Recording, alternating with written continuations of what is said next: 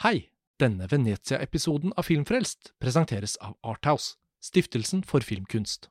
I snart 30 år har Arthouse reist rundt på filmfestivaler og håndplukket fantastiske filmer fra hele verden, som vi i etterkant får se på kino hjemme i Norge. For eksempel Bong John-Hos Parasitt, Celine Siammas Portrett av en kvinne i flammer og Abdelatif Keshishs Blå er den varmeste fargen.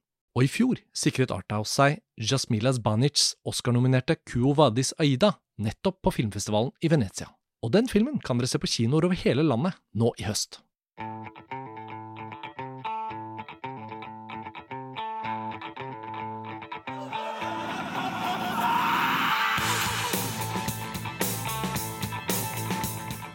Preghiamo di preghiamo di prendere posto.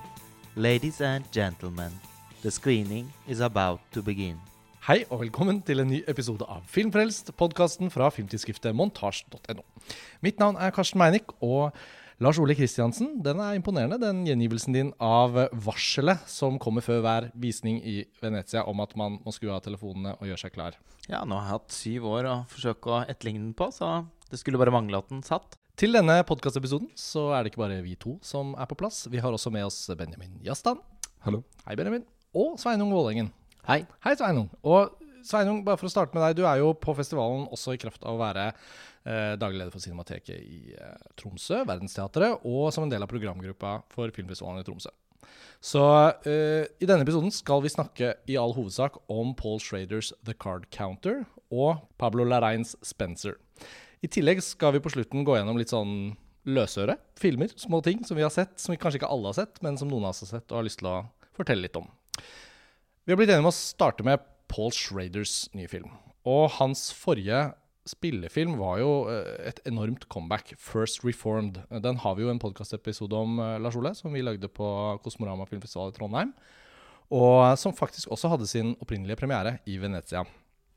Og Paul Schrader jo, trenger kanskje ikke noen nærmere introduksjon i forhold til hvor, hvordan han kom inn i, i det amerikanske filmmiljøet på 70-tallet, og selvfølgelig manuset til Taxi Driver, og så etter hvert som regissør i tillegg. Så det liksom Det kan vi jo komme inn på underveis, men um, det føles jo naturlig å starte litt med etter First Reformed så går man jo plutselig litt sånn en ny Schrader-film med ganske høye forventninger i møte, i motsetning til hvordan det har vært før First Reformed. Ja, det er jo på en måte kanskje 20 år der i karrieren som i all hovedsak har bestått av mer eller mindre mislykkede prosjekter. Um, han har jo lagd film ganske kontinuerlig, men det er ikke så mange av de som har uh, mottatt særlig positiv kritikeroppmerksomhet eller blitt omfavnet av et publikum.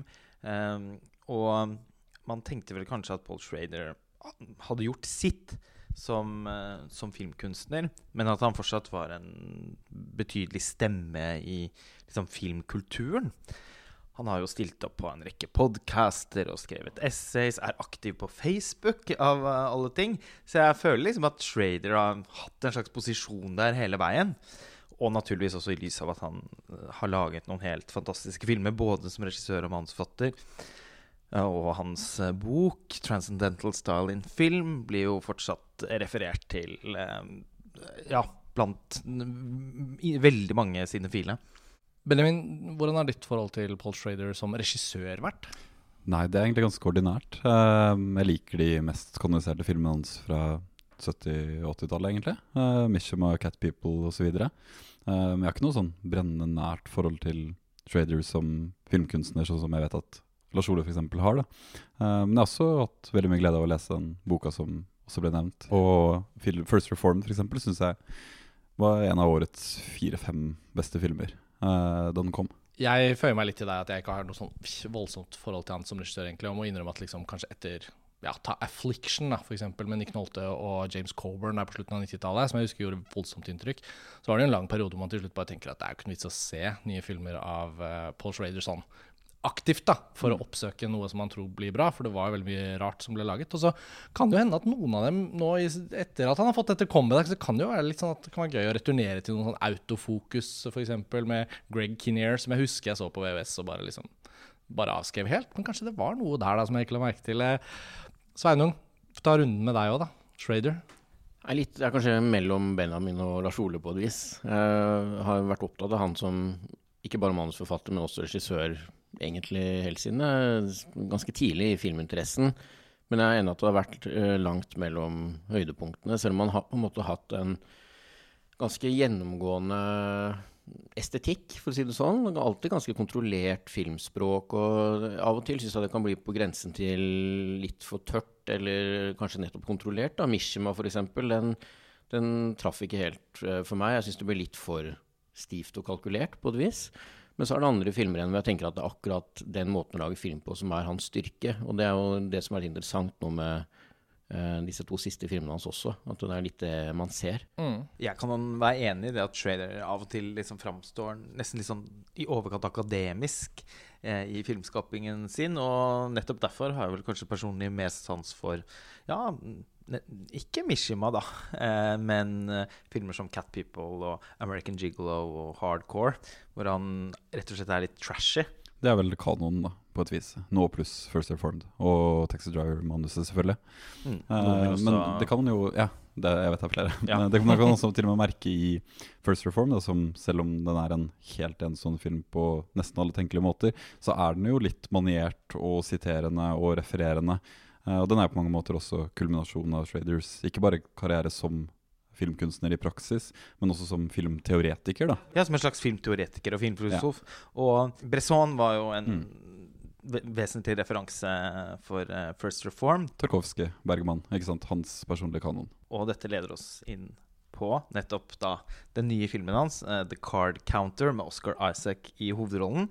Som har hatt verdenspremiere i ho hovedkonkurransen i Venezia. Sveinung, uh, hva handler liksom denne filmen om? Ja, det, akkurat kortspill og den slags, det er ikke jeg så interessert i. Eh, Så jeg skal ikke prøve noen gjengivelse av liksom kortspillenes eh, betydning i denne filmen. Men eh, det handler jo i hvert fall om en, eh, en person eh, som eh, ja, går under navnet William Tell. eh, Og spilte Oscar Isaac. Og eh, vi skjønner ganske tidlig i filmen at han har på en måte oppsøkt eh, kasinoer og denne kortspillverdenen litt for å eh, få kontroll, hanskes med et eller annet fra fortiden. Vi ser han eh, i en tidlig scene hvor han tar inn på et ganske sparsommelig innredet eh, ordinært hotellrom, hvor han eh, binder lakener rundt omkring på stolbein, dekker til møbler. Alt for å på en måte gjøre det enda mer anonymt. Um, og så eh, ja, har han på en måte skapt seg en slags karriere med å bare være veldig god som en såkalt card counter. Vi kan jo starte der. Jeg vet ikke om noen av dere har lyst til å spe på med informasjon fra selve handlingen. Jeg kan godt henge meg litt på Sveinung, for det er jo Jeg smiler alltid litt i skjegget når det, når det blir sånn at man skal gjengi plottet, selvfølgelig. Fordi eh, denne filmen er jo også så, så liksom banalt bokstavelig i sin tittel. Vi har jo hatt litt sånn løpende spøker her i Venezia om at liksom The Card Counter er liksom så Det er noe med den tittelen som også er liksom så Det er ikke en god tittel. Hva blir den norske tittelen? Blir det S i ermet? Blir det lagt kort ligger? Blir det korttelleren?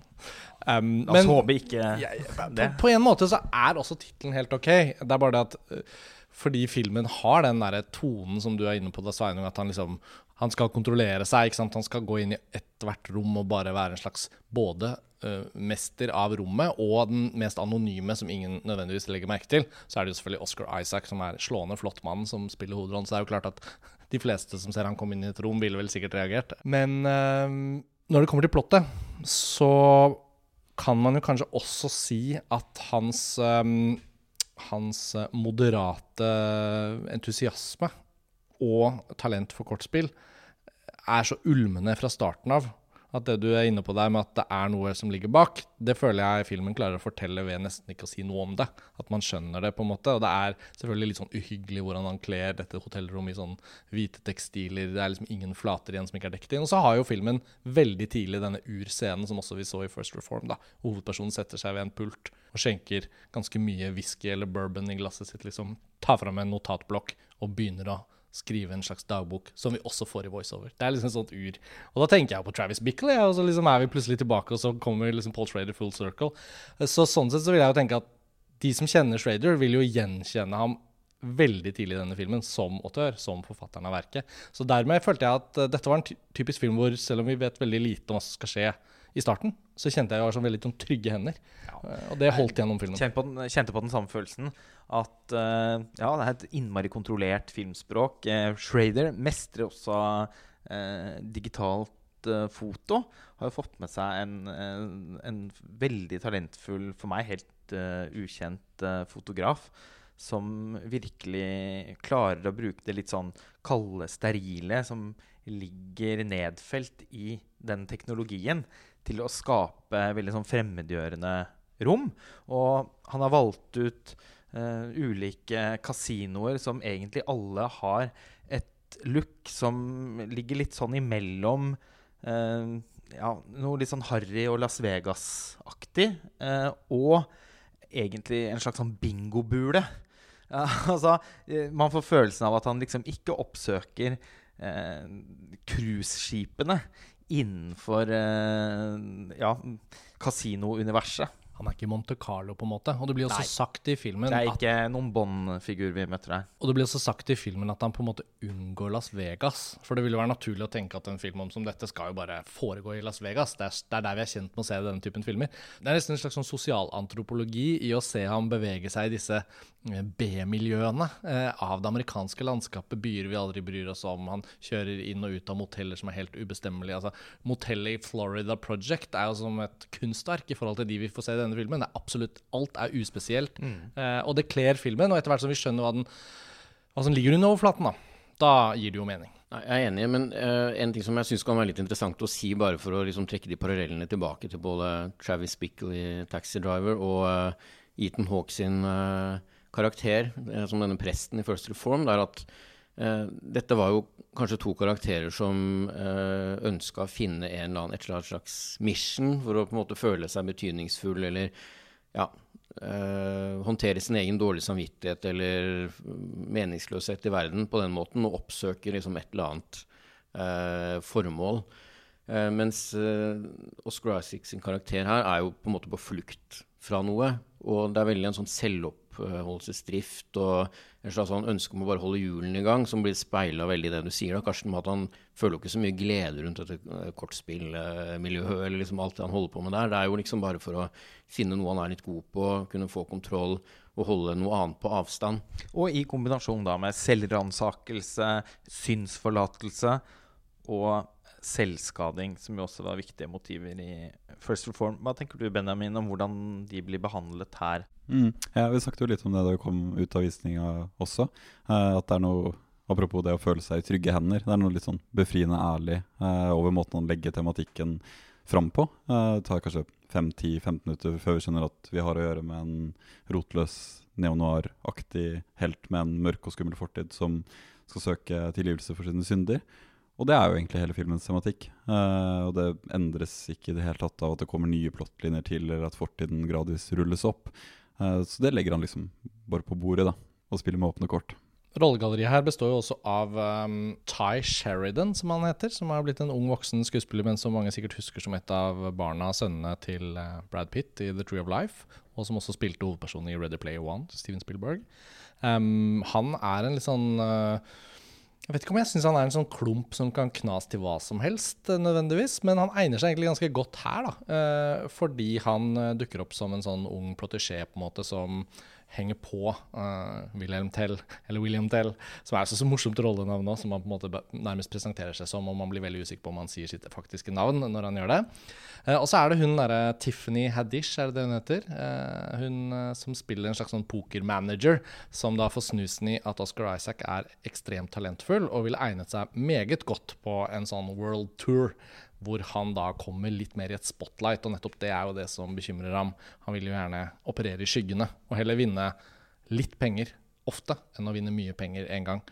Men utover å, å beskrive det plottet noe videre, så, så tenker jeg jo liksom at Jeg vet ikke hva dere syns, men jeg syns liksom at filmen kanskje kan av noen oppfattes som litt eh, eh, liksom ikke-eksplosiv, eller Det er så dumt å kalle det flat, for jeg liker filmen veldig godt, men, men den har, hele den inngangen Trader har til hvordan han skal liksom pakke inn sånne rollefigurer i en estetikk, det er jo også hans autørtrekk. Men jeg opplevde denne filmen som veldig spennende, egentlig. Jeg hvordan opplevde dere liksom den biten av å følge filmen?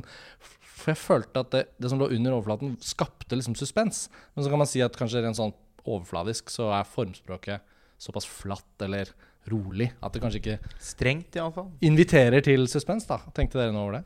Jeg føler det ligger en konstant underliggende uro i filmbildet hele tiden, som kanskje nettopp bryter litt mot det som er veldig kontrollert. da. Uh, om det er liksom fortiden som gradvis uh, rulles opp, eller om det bare er liksom fornemmelsen av å befinne seg i et veldig veldig tomt amerikansk landskap. Altså det er, meningsfattig da, på, på ganske mange plan. Eh, han lever en sånn transittilværelse. Det gjør veldig mange av de skikkelsene. Eh, så De kommer liksom inn i tomme rom, og så befolker de på tomheten uten å tilføye så veldig mye, eller at rommene tilfører så veldig mye til dem heller. Eh, men de smelter liksom sammen, da, på en måte. Og det skaper noen tablåer som nettopp ikke er veldig eksplosive eller ekspressive. De sier kanskje ikke så voldsomt mye ved første øyekast, men som skaper en sånn latent uro, eller et latent ubehag. Og det er nok til å i alle fall holde på min spenning. Og jeg tenker at. First Reform la seg veldig tett opp til sånn modernistisk film fra 1960-tallet. Mens den her, den eksistensielle transitten du beskriver, den var for meg tettere på altså New Hollywood. Og da den filmhistoriske perioden som vi forbinder med Schrader fra før av. Ja, det, er- det er på, måte, på mange måter noe gammeldags over filmskapingen. På mange måter. Eh, og jeg tenkte også som en slags sånn moralfortelling, som en person som faktisk eh, er en angrende synder og på en måte vil ta sin straff. Og som jeg nevnte i stad, sånn vi holder hjulene i gang. Men eh, sånn som i de filmene vi har sammenlignet med da, tidligere fra Shader, så er det jo også sånn her at eh, når han møter en av disse bikarakterene, så blir det jo da også da en åpning for at han kan på en måte gjøre opp for sine synder ved å ta på seg et slags oppdrag. Ehm, og i det så ligger jo et slags thrillerelement i filmen. Men jeg syns det som først og fremst var spennende, var eh, noe sånn Ja, det, det gammeldagse i den eh, moralfortellingen om en person som eh, ikke prøver å sno seg unna det han har gjort, og på en måte unnskylde seg eller legge skylden på andre, som mange gjør i vår tid, eller man glemmer, ikke sant. Eh, at noen har gjort en eller annen ugjerning, eller, og så går man videre. Man leser en ny sak i avisene, og så er man ferdig. Men denne personen eh, liksom sliter med, med det han har gjort, og det er veldig uvanlig, syns jeg, egentlig, å se på den måten utforska såpass grundig, men samtidig overfladisk også, eh, i den filmen her. Da. Vi glemte også å si at filmen egentlig åpner med at han da har befunnet seg i fengsel, så det er jo ikke noe hemmelighet at han har sittet i fengsel. Eh, og hele den åpningssekvensen hvor vi på en måte blir kjent med han, der er jo også soningstiden åpenbart en veldig sånn um, rutine som har skapt det livet da han vil komme til å leve i filmens presens, liksom. At det er jo den innestengte og liksom nesten meditative roen ved å bare være incarcerated, som de sier. Det er liksom veldig elegant gjort i åpningen. Han tar i bruk nesten sånn pillow shots rundt i fengselet for å sette opp det på en veldig effektiv måte, og så er vi i gang. Ja, øh, og selv om, øh, som det har blitt sagt, da, så ligner filmen kanskje mer New Hollywood-perioden og den type gritty regissører, eh, heller enn det andre Franks-universet til Schrader. Men akkurat der er den veldig Bresson. Apropos A Man Escape, da. Det rituelle og sketiske og gjentagelsen i fengselstilværelsen. Som selvfølgelig er en, er en, som Karsten også påpeker, en allegori, da. Men de fleste av oss har jo egentlig likt denne filmen veldig godt her nede i Venezia. Jeg syns den var helt strålende. Jeg synes Det er en av de soleklart beste filmene jeg har sett her nede. Og det handler også veldig mye om eh, castingen og skuespillerprestasjonene. Jeg syns at Oscar Isaac uh, gjør sin beste rolle så langt og er en opplagt Oscar-kandidat. Jeg var også veldig sjarmert av Tiffany Haddish. Eh, jeg har ikke sett så mange filmer med henne tidligere. Du har ikke sett Girls Trip? Nei, Det har jeg. det har jeg ikke. Hennes Så- store gjennombrudd. Jeg syntes at hun òg var en veldig sånn fascinerende karakter som jeg, jeg skjønte på en måte innmari godt hvorfor de to fant sammen. Jeg syns de hadde en oppriktig kjemi, da. Og det er sånn man ofte ikke bare kan skrive. Det er man nødt til å eh, fange inn med, med kamera skape de eh, iscenesettelsene hvor det kan framstå troverdig. Og det er flere scener hvor de bare går og bestiller en drink i baren. Han sier så å si konsekvent at han skal ha det samme som henne. Og så har de en, eh, en dialog som egentlig blir repetert flere ganger i løpet av filmen. Og for hver gang de har den praten, så kjente jeg mer og mer på at disse to her burde jo finne ut av det med hverandre på en eller annen måte. Så det er også en, en, en slags kjærlighetshistorie her som jeg faktisk syns var eh, litt gripende. Men Schrader finner i alle fall ut av det med, med henne med i, i bildene. Da. Det er interessant, for hun er jo ikke en sånn klassisk eh, frelsesskikkelse. Eh, eller en kvinneskikkelse som tilbyr den endelige frelsen for den angrende synderen. Men hun gjør jo også litt det, da. Hun Mm, er jo en hun er slags veldig sånn trygg- ambivalent. Ambivalent, ja, men hun er også en slags trygg havn. En form for en Altså en form for konstant da, eh, i transitttilværelsen hans, jf. det at de repeterer disse dialogene. uh, og at hun ironisk nok da også tilbyr han eh, å tre inn i sitt pokermanagement. Så det er jo i så fall en veldig veldig profan frelse. det. Men, Ja, men hun, jeg vil ja, insistere på det, altså. At hun, hun utgjør liksom om ikke noen urmodig skikkelse, så i alle fall eh, noe i nærheten av eh, en trygg havn da, for Oscar Isaacs karakter. Og det er interessant måten det er lagt frem på, for det er veldig subtilt. Vi er nødt til å bevege oss eh, videre. Men jeg har også lyst til å nevne filmens syntbaserte soundtrack. Som uh, minnet meg ganske mye om uh, Angelo Badalamenti, rett og slett. Syns det var innmari suggererende og bidro sterkt til at filmen, på tross av den litt, sånn- det litt asketiske uttrykket og tross alt sånn sånn slepende og selvsikre da, eh, tempo, den veldig sånn konsekvente, nesten litt sånn kvernende stilen, ble underholdende likevel. Eh, nettopp på en måte som man kanskje forbinder med noen av de fremste eh, amerikanske New Hollywood-filmene. da. Og jeg måtte bare le litt i stad da jeg nevnte at vi tross alt likte denne filmen veldig godt. For jeg hørte liksom på hvordan vi hadde inntatt filmens estetikk i vårt tonefall. Vi liksom moderat gå gjennom Schrader og filmen, og så tenker jeg at liksom jo, Den men- har også noen ganske ja, utrolige sånn- utrolige sekvenser. Ja, fordi Hvor Schrader virkelig er inspirert da, som audiovisuell historieforteller. For så streng og flat er den jo heller ikke. Det er bare det at liksom Det er, noen av det er noen brudd der, og de blir ekstra virkningsfulle nettopp fordi at de bryter sånn med den eh, ja, generelle tonen i filmen. Ja, for uten å avsløre noe, så vil jeg som min siste kommentar bare skyte inn at når det etter hvert brettes ut, og hans fortid, og hvordan ting henger litt sånn sammen i forhold til det som etter hvert blir et sånt sånn typisk sånn tredjeakts uh, plott-element, da tar jo Schrader virkelig i bruk liksom formverktøykassa på en litt overraskende måte. Og da får jo også uh, vår opplevelse en payoff ved at vi har liksom gått inn i den stilen og det tempoet vi har beskrevet, og så rykkes vi liksom ut av det av noen sånne ideer. Og der syns jeg filmen er veldig sterk, fordi den, den, den skjønner liksom effekten av å være såpass Apropos å være en liten independent produksjon, det er jo ikke noe dyr film, dette her, så har den også skjønt ok, hva kan jeg gjøre med det jeg har.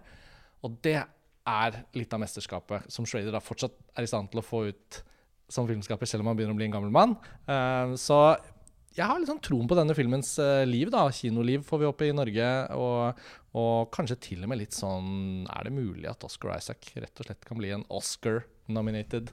Ja, det håper Det jeg virkelig. håpe. Jeg håper også Paul Schrader får en eh, nominasjon for uh, manuset. Mm, I hvert fall. Vi rakk jo ikke å si det, men uh, vi har også snakket mye om hvor mye av en Robert De Niro-karakter, eller skikkelse, Oscar Isaac fremstår som i denne filmen her. Jeg tror det er det nærmeste referansepunktet, egentlig. Og det går egentlig ganske lang tid mellom hver gang det dukker opp en sånn type New Hollywood-skuespiller i dag. Uh, han har jo vært det før i uh, Heter den A Most Perfect Year? Hva er den heter den? A Most Violent Year. Most Violent Year. Men en sånn De Niro, Al Pacino, Dustin Hoffman i perioder type skuespiller. Som nesten ikke fins. og hvis de finnes, så er de ganske dårlige. Den var jo en skikkelig New Hollywood-film, den også. Kanskje litt tettere på sin luett. Eh, men eh, definitivt en eh, referanse. Men la oss gå videre til neste film nå. Um, og det er jo da Pablo Larrains nye film, som vi nevnte i introduksjonen, 'Spencer'. Og um, Benjamin, du har jo skrevet et essay om filmen mens vi har vært her i Venezia, som nylig er publisert på montasje, så kanskje du skal få den hederlige oppgaven med å trekke oss inn i hva slags eh, film 'Spencer' er, og hvor den plasserer seg i Larrains eh, filmografi? På mange måter så kan jo Spencer betraktes som den intellektuelle eller åndelige oppfølgeren til Jackie, eh, som han laget i 2016. Han Har laget to filmer mellom det. To ganske enormt dårlige filmer. Så det er veldig gledelig at han også, bare for å foregripe det, da, er tilbake eh, litt som filmskaper. Ikke at man noen gang kanskje var redd for det, eh, siden han viste med Jackie hva som bor i han som audiovisuell filmkunstner. men nå har han i alle fall laget et enormt interessant eh, og godt verk. Eh, det slekter jo også som sagt veldig direkte på Jackie, da, som tok for seg de umiddelbare etterdønningene og sorgprosessen til eh, Jackie Kennedy etter JFKs død. eh, gjennom en utforskning av mediehistorie, uh, utviskingen av forholdet mellom det private og det offentlige. eh, offentlighetens blikk på kjendiser, uh, kjendisikonografi. osv. osv. Den filmen er altså, altså årets film. Et, en mye mindre film i, den, i sammenligna med, med Jackie, da, som er mer ekspansiv og kanskje også mer ambisiøs. Det er et kammerspill over tre dager som foregår på et gods i, under julefeiringen. Ja, en julefilm. I, en julefilm, en veldig besk julefilm, da, som sådan. Men i, jeg tror det vel er i 1990, kan det stemme? Jeg tror det var 1991. I, 1991 mm. Julen 1991. Mm. Uh, tre dager i prinsesse Dianas liv, da, enkelt mm. og greit. Og det er jo også på dette tidspunktet at uh, Charles sin affære begynner å bli allmennkjent. Uh, og verden krakelerer egentlig fullstendig rundt henne. Hun er helt fremmed for seg selv uh, og spaserer rundt i et gods fylt av forstilte riter og generell forstillelse, nag, angst, skam. Det er, det er ganske bekmørkt, selv om filmen ikke er um, Det er jo ikke en, entydig pessimistisk eller nitrist film på noen måte. Den er veldig sørgelig, uh, og det er en lidelsesfortelling på mange måter. Mm. De tre dagene i prinsesse Dianas romjul. Jeg syns du har rett i at det er en søsterfilm til Jackie. Og det var jo en film som jeg ble veldig imponert over da den smalt her i Venezia. Uh, og man fikk jo straks en følelse av at biografifilmen ikke er så fortapt som den har virket å være nesten alltid. Altså Et sjelden tilfelle av en sånn innovativ biografifilm som klarer liksom å både være veldig sånn dette er en sann historie, en sann figur, ekstremt troverdig gestalt fra Natalie Portman. ikke sant? Og alt, Du føler liksom at den er også det men fordi han hadde ordentlige ideer om hvordan han skulle bruke filmskapingen, strukturen i fortellingen, hele rammeverket for å si noe mer, bruke den historiske figuren til å kanskje også få publikum til å oppleve det ikonet på en annen måte. Da. Og det å se han gjøre det igjen, men uten å repetere seg selv, egentlig, men heller bare videreføre de ideene det, Og Spencer har vi jo snakket om hele uka.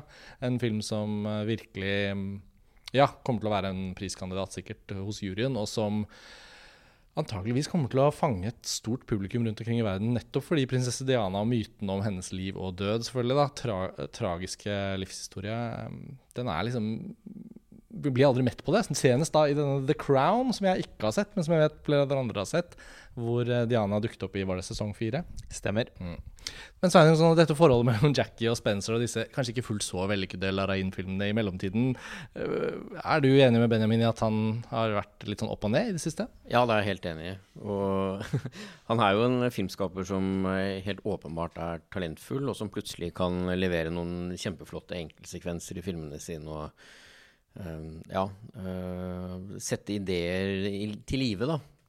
Eh, men eh, Jackie var kanskje for meg et høydepunkt i hans karriere fram til nå.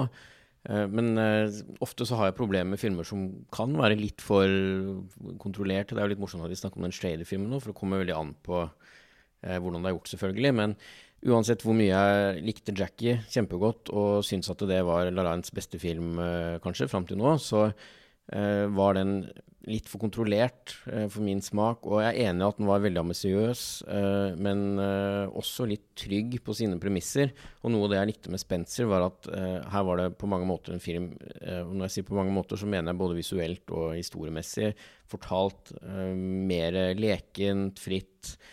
altså, den, den, har noen Ja, det er en mørk fortelling på mange måter, men den er jo fotografert med noen sånne duse farger som jeg tror ikke ville sett bra ut digitalt i det hele tatt. Eh, men den er skutt på 35 mm og 16 mm og ser bare helt fantastisk ut. Eh, og uh, det er også noen visuelle grep som gjøres underveis, som ikke bare får en som filmelsker til å få frysninger på ryggen, men det er også viktig for denne fabelen om Diana, som filmen gjør helt, det blir helt tydeliggjort i starten av filmen, at det er en fabel. Det er ikke noe som skal liksom basere seg på en biografisk eh, sannhet på noen som helst måte. Og for å forsvare det, da, så uh, gjør også Larain noen grep underveis i filmen som, uh, som, gjør at vi på en måte ja, får hans uh, take på Diana i løpet av disse dagene. Ja, jeg syns det er veldig godt poeng akkurat det med at det er nettopp hans take, da. Uh, noe som også gjør både Jackie og Spencer til såpass idérike eller interessante verker, foruten at de er ekstremt appellerende og forførende og har en helt nydelig overflate og fantastisk musikk av Johnny Greenwood. Forrige gang var det musikk av Michael Levi som var, var helt utsøkt. Uh, så er det akkurat det at filmene også til en viss grad innrømmer det, at de er fiksjoner, at de er illusjoner, at det er en form for skinn. Det er ikke inderlig eller påberopt innlevelse i historiske menneskeskjebner eller i enkelte ikoner, da, eller Mm. moderne ikoner i den Mm. moderne kulturen. Um, det er en visjon, en oppfatning, et spesielt bilde av vedkommende. Uh, og sånn sett så Ja, det resulterer egentlig i et sånn interessant paradoks som jeg har tenkt mye på de siste årene. Da. I det hele tatt gjengivelse av historiske hendelser eller av eh, historisk ikonografi eller av kjente mennesker, og ikke et sånn virkelighetslitteratur, levende modellerperspektiv, som jeg ofte syns kan bli veldig uinteressant når man tværer på det. Eh, men lar Rein turnere en form for sånn estetisk og historisk ydmykhet da, ved at han ikke påberoper seg den fulle og hele endelige sannheten i dette ene mennesket. Eh, karakterpsykologien består til en viss grad, eh, men han etablerer ikke enkle kausalforbindelser. Han liksom, han lar det være noe gåtefullt eh, i bildene hele veien. Og det, det er både estetisk veldig veldig fascinerende i Spencer, eh, og som gjør den enda mer betagende, men det gjør det også etisk interessant. Og ved å skjenke seg en sånn kunstnerisk frihet, på en måte, da, så kan han jo bruke motiver fra sjangerfilm for å levendegjøre Dianas mm, indre liv i, i filmen. Den er jo litt sånn simulatoraktig. Det var også Jackie, men han drar det enda lenger her. Og en av de viktigste referansene for meg underveis, det var faktisk Stanley Kubrick, og spesifikt The Shining. Det hadde du ikke trodd da vi gikk inn og så. Nei, det ble jeg veldig tatt på senga av, rett og slett. Eh, Og her handler det om eh, eh, konkrete detaljer i produksjonsdesignet og sånn. Et banerom, f.eks. Og eh, om at dette godset blir som et slags overlock-hotell med spøkelser. Eh, og de materialiserer seg egentlig underveis. da. Det blir jo også en reise i, i hennes minner og i en understrøm liksom, av hennes bevissthet som var mer eh, eksperimentell, mer sånn påtakelig eksperimentell enn jeg var forberedt på. Fordi ved å lage en film om Diana, så har man jo da også på en måte en slags gratisbillett til et stort publikum. Særlig nå i lys av uh, The Crown. da, ikke sant? Nå er det Diana-feber. Men den feberen, uh, det viruset, er han ikke smittet av, da. Og det syns jeg var uh, Altså, man kan jo også se elementer av Altså uh, Andrej Tarkovskij sin, sin speil, liksom, her. Eh, det, jeg var virkelig imponert over hvor eh, kompromissløst han eh, lagde en fragmentarisk eh, fortelling som virkelig liksom fanger det raset som skjer på innsiden av eh, hovedpersonen.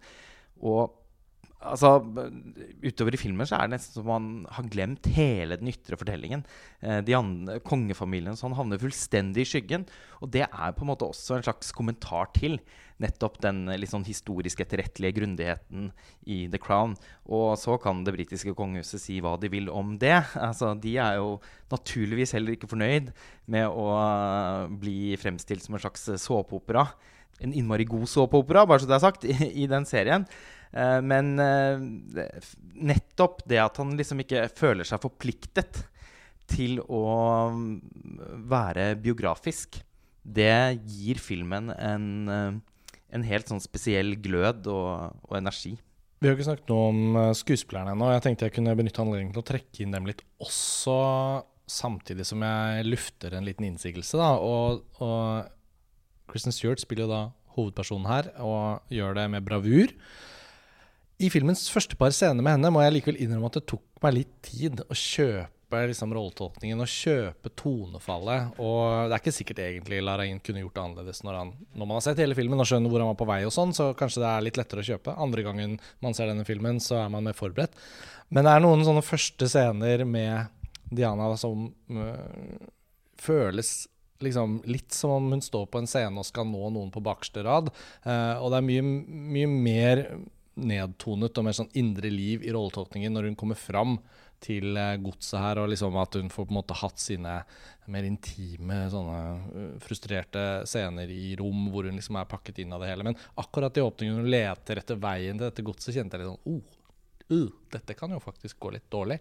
Men heldigvis tok filmen seg inn, da. Men um, Ja, jeg så på det helt annerledes. jeg. Tenkte, jeg tenkte kanskje at det kunne være en sånn Fikk du et slags brudd med den fjerde veggen? Nei, Jeg fikk et brudd med den fjerde veggen. Jeg gjorde egentlig det. Eh, Jo, men altså, jeg gjorde det litt selv, Ja. for jeg tenkte at ved å Du leter etter sin plass i filmen også, ikke sant? På samme måte som hun leter etter sin plass i verden. Nettopp. Eller leter etter sin plass for seg selv. Og I og med at Diana skal spille så mange ulike roller i løpet av filmen, eh, så syns jeg det var noe meningsbærende ved at Kristin Stewart er åpenbart kunstig i, i, i anslaget. da eh, Når resten av filmen er så godt spilt, så tenker jeg at det nærmest må være intensjonelt. Ja, og Da får man også aksentuert at uh, dette er Kristen Stewart fra USA som gestalter Diana Spencer fra England i en film av den chilenske regissøren Pablo Larraín, som ser tilbake 31 år tidligere på et gods i England som han ikke egentlig har noen forutsetninger for å avbilde korrekt. Jeg skjønner hva dere mener. Jeg Nå stryker vi medårs. Sånn, eh, jeg tenker dette var en kon godt konstruert intellektuell bærebjelke for å hjelpe oss forbi et punkt som eh, vanlige publikummere antageligvis kommer til å få klø av. Og så tar det bare noen minutter før det går helt fint. Jeg syns også at eh, for å ytterligere forsvare Stuart litt, da, så syns jeg at eh, altså hennes eh, litt sånn eh, nevrotiske fakter og eh, tidvis overspill, som man har sett i noen andre filmer, det kommer virkelig til sin rett her, nettopp fordi at Diana sto jo på en scene hun måtte prestere hele tiden. Hun er ukomfortabel. Ja, når hun går inn på det slottet, så er det som om hun er liksom ja, på en teaterscene hvor hun må spille en bestemt karakter, og ikke bare gjøre de forskjellige tingene som er forventa der i denne julehøytiden, men, men også ja, oppføre seg på en bestemt måte. Og jeg synes faktisk at eh, Jeg hadde uansett gleda meg til å se Kristen Stewart som Diana. Herregud. Det er alle som er interessert i en eller begge, eh, hadde vel det, på en måte. ja, veldig god casting, så det er Ja, og det, det. og, men det endte opp med å bli en overraskende god casting, syns jeg. Med på en måte alt det som kjennetegner Stuart sin spillestil, som faktisk hun klarte å bringe inn i den rollen på en veldig passende måte. Det som skjer i den eh, åpningsscenen jeg henviser til, eh, er jo egentlig ikke sånn at min innsigelse er at hun leter etter veien og sånn, så jeg følte liksom veien inn i historien og hennes forvirring var jo helt super vellykket. Eh, Det føles liksom som at i det øyeblikket hun går inn på en sånn litt tilfeldig kafé og folk bare gisper over at prinsesse Diana plutselig står der, da er det klipp videre, for det er, da har du fortalt det du skal si. Det er elegant gjort. Uh, og det er noen sånne dialogbiter som da likevel uh, ligger på halen av scenen, da. Som i hvert fall var helt spesifikt egentlig det som rykket veldig med meg. Og så er jo formspråket så innbydende som det er, som vi har beskrevet. All den teksturen og, og fargene i foto og liksom effekten av å bruke celluloid, film og alt dette vi, vi snakker om så ofte, da. Og så når vi kommer dit og plutselig får se da, de to sidene ikke sant? Det der er veldig sånn helt sånn ro rolige, men kanskje litt eh, angstfylte spillet hennes i de scenene hvor hun er for seg selv. Og det blir mer et sånt indre liv, at vi får veldig inntatt hennes subjektive perspektiv. Og så dette teatralet i de møtene, om det er med tjenerskap eller kongefamilien selv. Og så er det en sånn nøkkelscene ved en, en av de første måltidene. Og mat blir jo etter hvert veldig viktig. Mat og servering og kutymer og, og, og upstairs, downstairs blir det jo litt plass til her osv. Men det er en uh, veldig sterk scene hvor hun skal ikle seg et sånt perlekjede og sette seg og spise en slags suppe. Jeg husker ikke helt hva det var som ble servert da, men da får vi det første eksempelet på hvordan Larain også er eh, faktisk litt sånn interessert i å bruke horror. Og, og det skriver jo du om, Benjamin, i teksten din også, bodyhorror. Liksom at liksom den plagetheten hennes som er helt kroppslig, den blir også veldig viktig for filmen. Den er jo en slags body horror. Eh, og det handler ikke bare om selvskadingselementet, altså bulimien. Og det er også en scene hvor hun eh, klyper seg selv med en knipetang. Det handler jo også om bekledningen. Og kostymene, som er helt utsøkte, spiller jo en veldig viktig rolle i filmen. Fordi hun hater jo eh, plaggene. Som, hun, som det er blitt bestemt at hun skal bære ved forskjellige anledninger. Og de på en måte understreker eh, det absolutt, den absolutte utslettelsen av hennes eh, personlighet. Oscaren for beste kostymer har aldri vært delt ut så tidlig som i år. Nei, det tenker jeg Men apropos dette med bekledning og maskespill og, og, og så videre. Eh, jeg sa kanskje innledningsvis at det er ikke en entydig mørk eller pessimistisk film, men den er jo egentlig det. Eh, og i sammenligning, til sammenligning med, med Jackie, da, som fortsatt opererte med et uh, type menneskesyn, eller subjektsyn, uh, i blikket på de ikoniske skikkelsene, hvor man kunne skille mellom den offentlige personen og den private personen, hvor det faktisk fantes et stabilt og tilgjengelig selv da, på en eller annen måte hos uh, Jackie Kennedy, så skaper jo ikke Spencer heller en illusjon av at det fins en egentlig og trygg og stabil Diana bak hele fasaden som hun kan flykte inn til. Eh, og Det viser seg jo veldig sterkt f.eks. i de scenene hvor hun sitter med de to sønnene sine, eh, Harry og William, når de våkner opp på natta og sitter og leker en lek eh, med stearinlys rundt bordet. At hun higer så sterkt etter bekreftelse å bli sett, eh, rett og slett å bli, bli speila, da, eh, grunnleggende sett. Eh, At hun nesten fremstår som et barn i sin egen rett. At hun tildeler sønnen rollen som foreldre. Eh, som noen som i det hele tatt kan se henne, bekrefte henne og validere følelsene hennes. For det, det, det finnes ikke.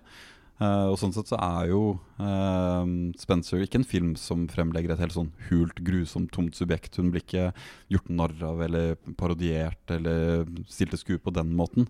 Uh, men den er fundamentalt sett veldig veldig trist der. for det er nesten som om også forut inntreden i kongehuset og inn i all den falskheten rundt dronningens bord, at hun kanskje alltid har vært fremmed for seg selv. da. Så du noensinne Oliver Hirschspiegels Diana med Naomi Watts i hovedrollen, Benjamin? Det gjorde jeg ikke. Var det noen av dere som gjorde det? Nei. Nei.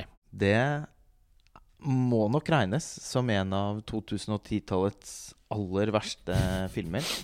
Eh, og den var nesten rørende, syns jeg, i måten den eh, Både som liksom eh, et, eh, et kunst Et forsøksvis kunstverk, og et, eh, tror jeg, ganske oppriktig forsøk på å fange inn noe som var fi, noe fint ved Diana, bare ble en helt uh, sjokkerende tom film. Og det er litt interessant å tenke tilbake på den, og den tomheten som hele den filmen, inkludert Nomi Watts, som er en skuespiller jeg setter veldig høyt, sin veldig mislykkede rolleprestasjon, uh, den gestalter liksom den, den tomheten på en måte som akkurat nå eh, kan settes i forbindelse med det Pablo Larrain gjør her. Bare at filmen som eh, i seg selv da, er helt poengløs. En interessant ting med det, og det har ikke jeg sett og aldri vært interessert i å se for så vidt den filmen, kanskje også basert på at den fikk så fryktelig buzz i sin tid. Men Benjamin, du var jo inne på noe som jeg syns er kjempespennende med denne filmen, og som jeg håper blir noe man bare kan dyrke videre ved gjensyn og sånn. Eh, nettopp det at, eh, at han, det at Larrain fremlegger fiksjonen, fremlegger at det er en kunstnerisk behandling, og at det er en slags fabel. Eh, det blir jo nesten som en sånn egen diskuterende motor rundt både liksom tabloidenes, pressens, befolkningens idé om Diana, som kanskje aldri var henne, eh, men også da tar opp i seg at det er en Hirschbiegel som har laget en film, og at den heller ikke Altså, den kunne jo aldri fange det inn. Nei, for det er det, det, er det, ikke sant. Og hvis man vet, med et veldig veldig bredt sveip tenker at all visuell kultur de siste 200-300 årene er medskyldig i noen av de samme overgrepene i måten mennesker blir portrettert på eller sett på. Det vil alltid finnes begrensninger, det vil alltid finnes innskrenkninger etc. etc. Jeg tenker å gå så veldig dypt inn på det. Um, så er det akkurat som Spencer innrømmer at ok, jeg, dette er en kunstferdig film. Det er en litt annen type behandling enn tabloidenes behandling, selvfølgelig. Det er en helt annen type behandling enn den filmen som Lars Ole nevner, som åpenbart er veldig veldig dårlig. Men den Det er et står absolutt fravær av kunst. ikke sant? Eh, men den står likevel nedfelt i den samme kulturen, og det er umulig også for Spencer som film eh, og inn som filmkunstner å fullt og helt løsrive seg fra det. Eh, og den paraderer ikke sin egen medskyldighet, og den kunne gjerne funnet på å gjøre det i form av liksom diverse innklipp fra arkivene og sånne ting. Jeg er veldig glad for at den ikke gjør det. Men den bærer med seg en slags innrømmelse om at den fortsetter å fetisjisere Dianas ansikt og kropp og det hele. Ikke sant? Så det, ja, akkurat den gnisningen er veldig veldig spennende.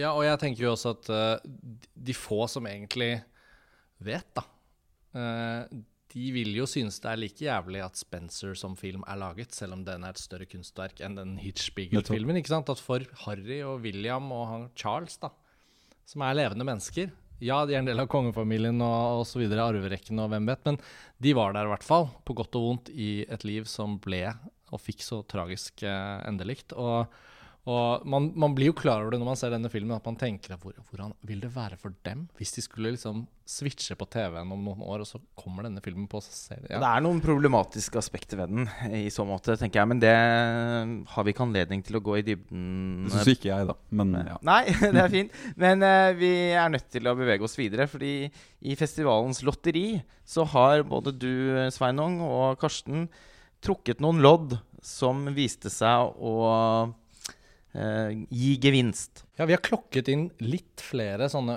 obskuriteter enn dere. Og i det landskapet, som jo gjelder for alle festivaler, hvor man kan slenge ut snøret og se om det gir napp, så er det et par oppdagelser som kanskje kunne være verdt å nevne. da.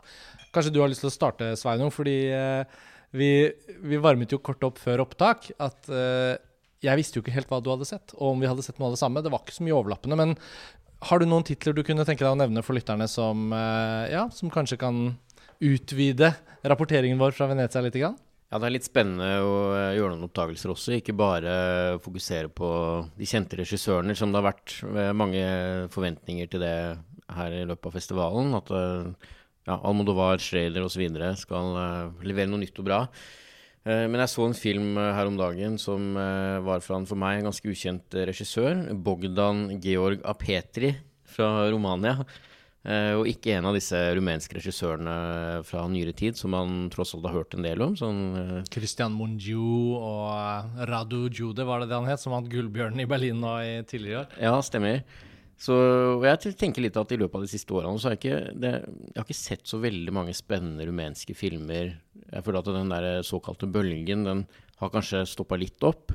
Jeg skal ikke si at den filmen her som jeg har sett, eh, nødvendigvis eh, byr på så mye nytt, for den føyer seg på mange måter inn i den tradisjonen fra det man har sett mm. av disse regissørene. Det er en film som heter Miracle, eller Miracle. Uh, og den er fotografert av uh, Oleg Mutu, som uh, faktisk fotograferte fire måneder Og han er jo et slags lite mini-autørnavn inni den rumenske nybølgen. da For jeg har flere ganger lagt merke til at han er en enormt god fotograf.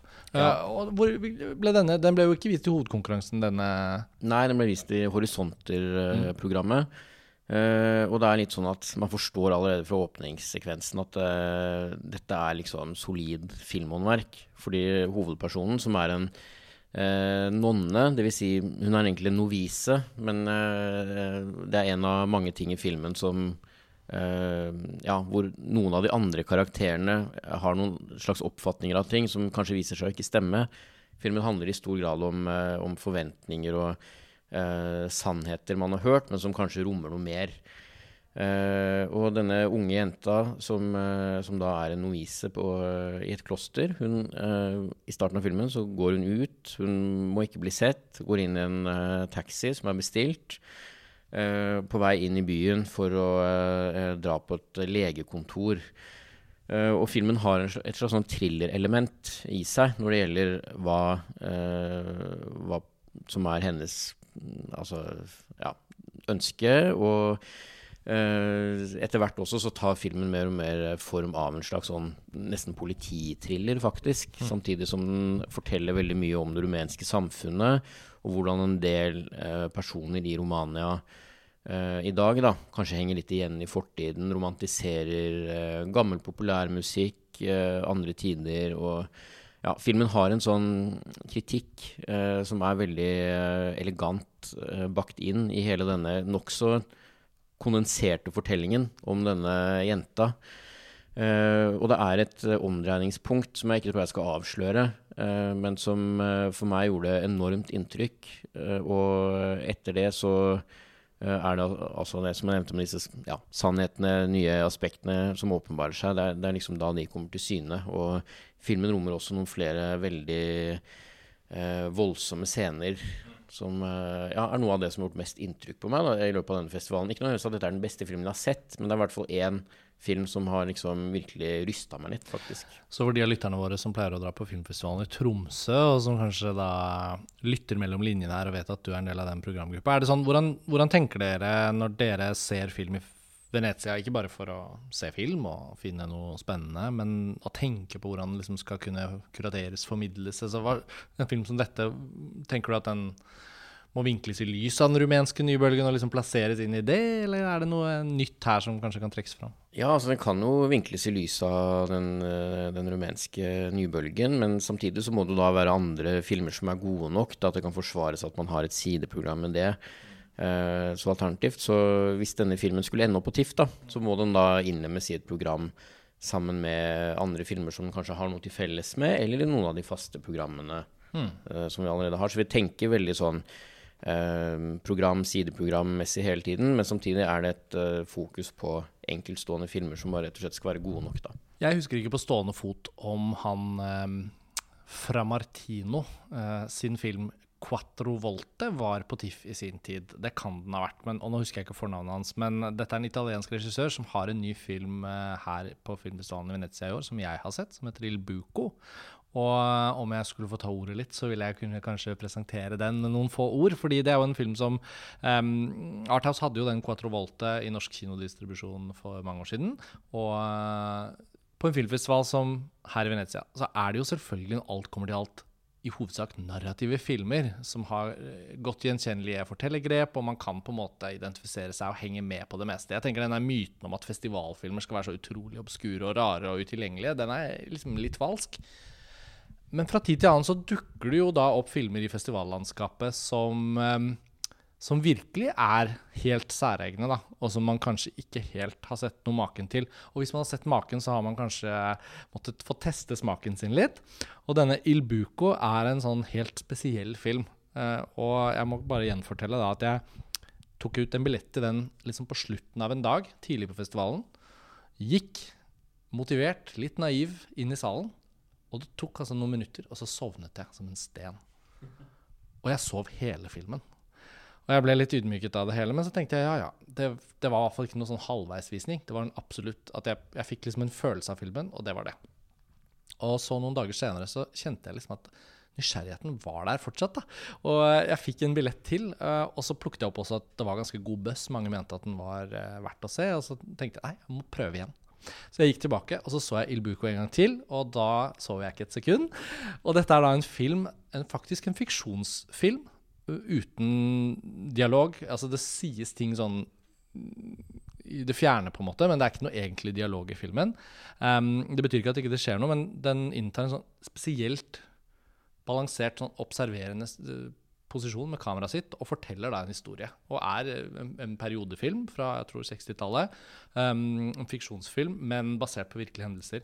Og hele filmen skildrer i et fjellandskap et eller annet sted i Italia, jeg fikk ikke helt med meg hvor det var, utforskningen av sånne gruver eller huler, da, altså naturlige huler i et fjell, eh, hvor eh, på en måte pionerklatrere på den tiden prøvde å liksom kartlegge hva vi har i Italia da, av sånne huler og hulerom og sånn. Og parallelt med at vi følger da et sånt team, en slags ekspedisjon, som, gra som klatrer, tidvis graver, men klatrer seg ned i et sånt hulelandskap for å måle og finne ut om det er blindveier. Og så klatrer de ned i et hull, og så nei, ikke her, og så videre, og så opp igjen. Og for å se hvor dype hullene er, så antenner de sånn avispapir eller magasiner som de har med seg. Det er sånn bilde av Sofia Loren eller JFK eller sånn. Det er jo liksom den perioden. Eh, og de tar fyr på det, og så holder de den sånn flakkende papir i det stummende mørket og slipper det ned i en sånn hule, og så forsvinner den lille eh, ildballen nedover, og så kaster de i et annet tilfelle ned en stein, og så hører vi liksom det tar mange sekunder før den lander. Um, og parallelt med dette så følger vi en sånn skikkelig gammel krok av en sånn uh, gjeter uh, og hans saueflokk. Eh, det er vel noe kyr der òg, men eh, oppe på disse eh, litt sånn eh, tettspiste, gresskledde fjellsidene. Og han eh, blir etter hvert eh, dårlig, da. Han blir liksom funnet i lyngen, sånn helt sånn stiv, nesten død. Men så liksom tar de vare på han og tar han inn i en sånn liten hytte og passer på han, og det er kanskje sønnene hans og sånn. Dette er liksom premisset for hele filmen, men pga. at man får to sånne parallelle handlinger, så er jo alle bildene slående vakre, da. Og er jo som å være ute i naturen selv. Så blir man liksom helt sånn til slutt helt oppslukt av å følge den. Så det var en veldig sånn fascinerende film. Det hørtes kjempefascinerende ut. En film jeg håper både jeg og andre norske publikummere får muligheten til å se. Noe for TIFF, kanskje. Ja, kanskje, kanskje. Så det følte jeg var en av de som Det var bare jeg som gikk og så, da, som jeg måtte benytte denne anledningen til å å trekke frem. Eh, En siste film, Sveinung, hvis du har noe annet på lista di? Jeg har en til. Eh, Det er kanskje en del eh, lyttere som har sett eh, 'Atlantis' av Valentin Vasjanovic. Som eh, Nå har jeg ikke den oversikten foran meg nå, men jeg mener han fikk en pris uh, for den filmen uh, for to år siden. Mm. I? Horisonti, var det ikke det? Jo. At den ble vist, ja. Mm. Men Nå er han i hovedkonkurransen her med filmen 'Vid blysk', eller 'Reflection'. Som uh, følger mye av den samme oppskriften, kan man si. da, en Veldig tablåbasert historie. med lange, lange scener som utspiller seg litt sånn ja, malerisk. men samtidig utrolig brutalt og ganske blekt i, i Ukraina. Det, forrige film var jo en slags fremtidsvisjon eh, i kjølvannet av krigen mellom Russland og Ukraina. Mens her er vi tilbake i 2014, når eh, krigen eh, mellom eh, Russland og Ukraina, eh, den konflikten, begynte å virkelig eh, tilspisse seg. Så vi følger en lege som uh, egentlig er ganske fornøyd uh, med å jobbe som lege, får vi inntrykk av, og føler at han gjør en uh, viktig innsats på den måten. Men så er det noe med de maskulinitetsidealene og også det at han har skilt seg fra kona si og hennes nye mann, som tydeligvis er en venn av denne legen. Han er soldat i krigen, og han, denne legen da ender opp med å dra ut i krigen etter hvert. og eh, tjene på den måten, og føler vel at det er noe som er forventa av han. Eh, og han blir da også eh, kidnappet, tatt til fange av russiske styrker og tvunget til å jobbe som lege i tortursituasjoner når det er ukrainske soldater som er tatt til fange. da. Så det, det starter utrolig uh, mørkt og brutalt, med noen scener som var så uh, ja, forferdelige å se, rett og slett, at jeg tenkte litt sånn Oi, er det litt sånn at jeg bare må gå? Uh, men filmen klarer å forsvare det etter hvert som historien trer fram, og jeg syns at det er en humanisme i den filmen her som er tydeligere enn i Atlantis, selv om alt er veldig blekt, det er mye undertrykte følelser. Eh, Men etter hvert som, eh, som historien får skride fram, og så er det det forholdet mellom legen og denne datteren hans, da, den biologiske datteren, eh, på en måte blir nærere, så uh, syns jeg filmen klarer å fortelle noe både om eh, ja, hva slags samvittighet man har, kvaler, eh, traumer, mm. og, eh, og den forteller også historien sin på en poetisk måte som tidvis kanskje bikker over til å bli litt for symboltungt, litt for plumpt, uh, men som jeg likevel ja, velger å se forbi, da. Fordi eh, eh, det er en sånn voldsom eh, vilje i det visuelle og, og historiefortellingen der, som jeg syns eh, faktisk overgår den Atlantis eh, litt. Det var veldig eh, god bøss egentlig å få inn, da. Eh, I hvert fall jeg som har sett denne forrige filmen hans. Jeg håper jo og tror at han kan lage noe enda bedre. Så da noterer vi oss i hvert fall to filmer som du har sett som eh, muligens eh, festivalpublikummet i Tromsø kan begynne å glede seg til. Med det så tror jeg egentlig denne episoden har nådd sin slutt, og det markerer jo også at vi nærmer oss slutten på filmfestivalen i Venezia. Lars Ole, Benjamin og Sveinung, dette ble en fin prat om mye forskjellig type film. Vi får eh, si takk for denne gang, og så høres vi snart igjen. Ha det bra, alle sammen. Ha det bra. Ha det fint. Ha det bra.